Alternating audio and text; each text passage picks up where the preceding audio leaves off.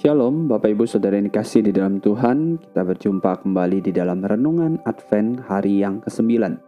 Hari ini kita akan bersama-sama merenungkan satu bagian firman Tuhan yang terambil di dalam kitab Nabi Yesaya, kitab Yesaya, pasal yang ke-40, ayat yang pertama sampai dengan yang kelima. Yesaya 40 ayat yang pertama sampai dengan yang kelima. Demikianlah firman Tuhan. Hiburkanlah, hiburkanlah umatku, demikian firman Allah. Tenangkanlah hati Yerusalem dan serukanlah kepadanya bahwa perhambaannya sudah berakhir, bahwa kesalahannya telah diampuni, sebab ia telah menerima hukuman dari tangan Tuhan dua kali lipat karena segala dosanya.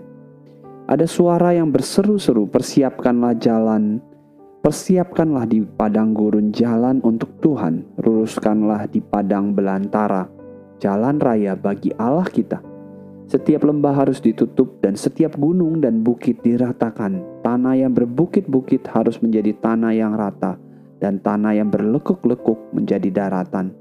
Maka kemuliaan Tuhan akan dinyatakan dan seluruh umat manusia akan melihatnya bersama-sama. Sungguh Tuhan sendiri telah mengatakannya.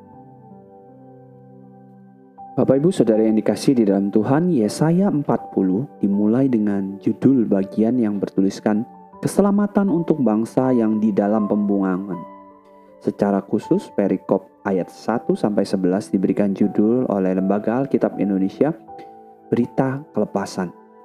Untuk kita lebih memahami bagian ini secara mendalam, kita dapat melihat bagaimana orang-orang Yahudi, komunitas Yahudi menggunakan bagian ini dalam bacaan mingguan mereka.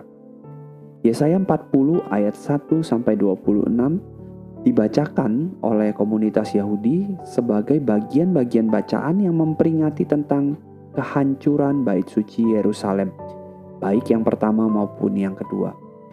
Bagian ini mengingatkan akan penghukuman dan kesedihan mereka yang mereka alami. Masa-masa pembacaan tersebut merupakan masa di mana mereka berkabung dan berpuasa. Tetapi Kesedihan tersebut bukanlah akhir dari kisah ini.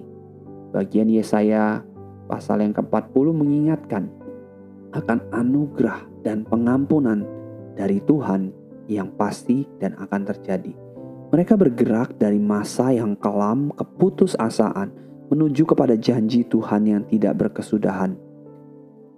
Pada saat menulisnya Nabi Yesaya berada pada masa keruntuhan kerajaan Israel pada masa invasi dari kerajaan Asyur. Pada masa itu Nabi Yesaya hidup di tengah lingkungan keadaan yang penuh gejolak dan tekanan. Tetapi Nabi Yesaya tahu bahwa kondisi tersebut bukanlah akhir. Ada pengharapan yang jauh ke depan tentang pemulihan yang Tuhan janjikan. Pengharapan dan keyakinan tersebut memberikan kekuatan bagi orang-orang yang membacanya hingga saat ini.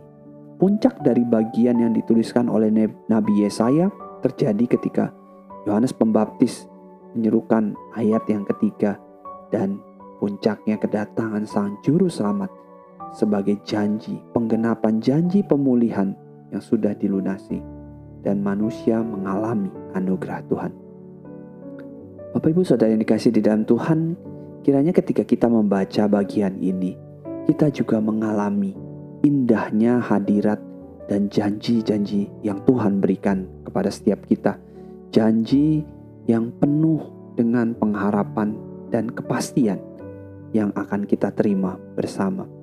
Kiranya kita boleh bersama-sama menantikan penggenapan karya Tuhan yang sudah dimulai pada saat kelahirannya, kehidupannya, dan ketika ia menyatakan karyanya melalui kematian kebangkitan, dan ia telah naik ke surga mempersiapkan tempat bagi kita dan ia akan datang menggenapi janjinya.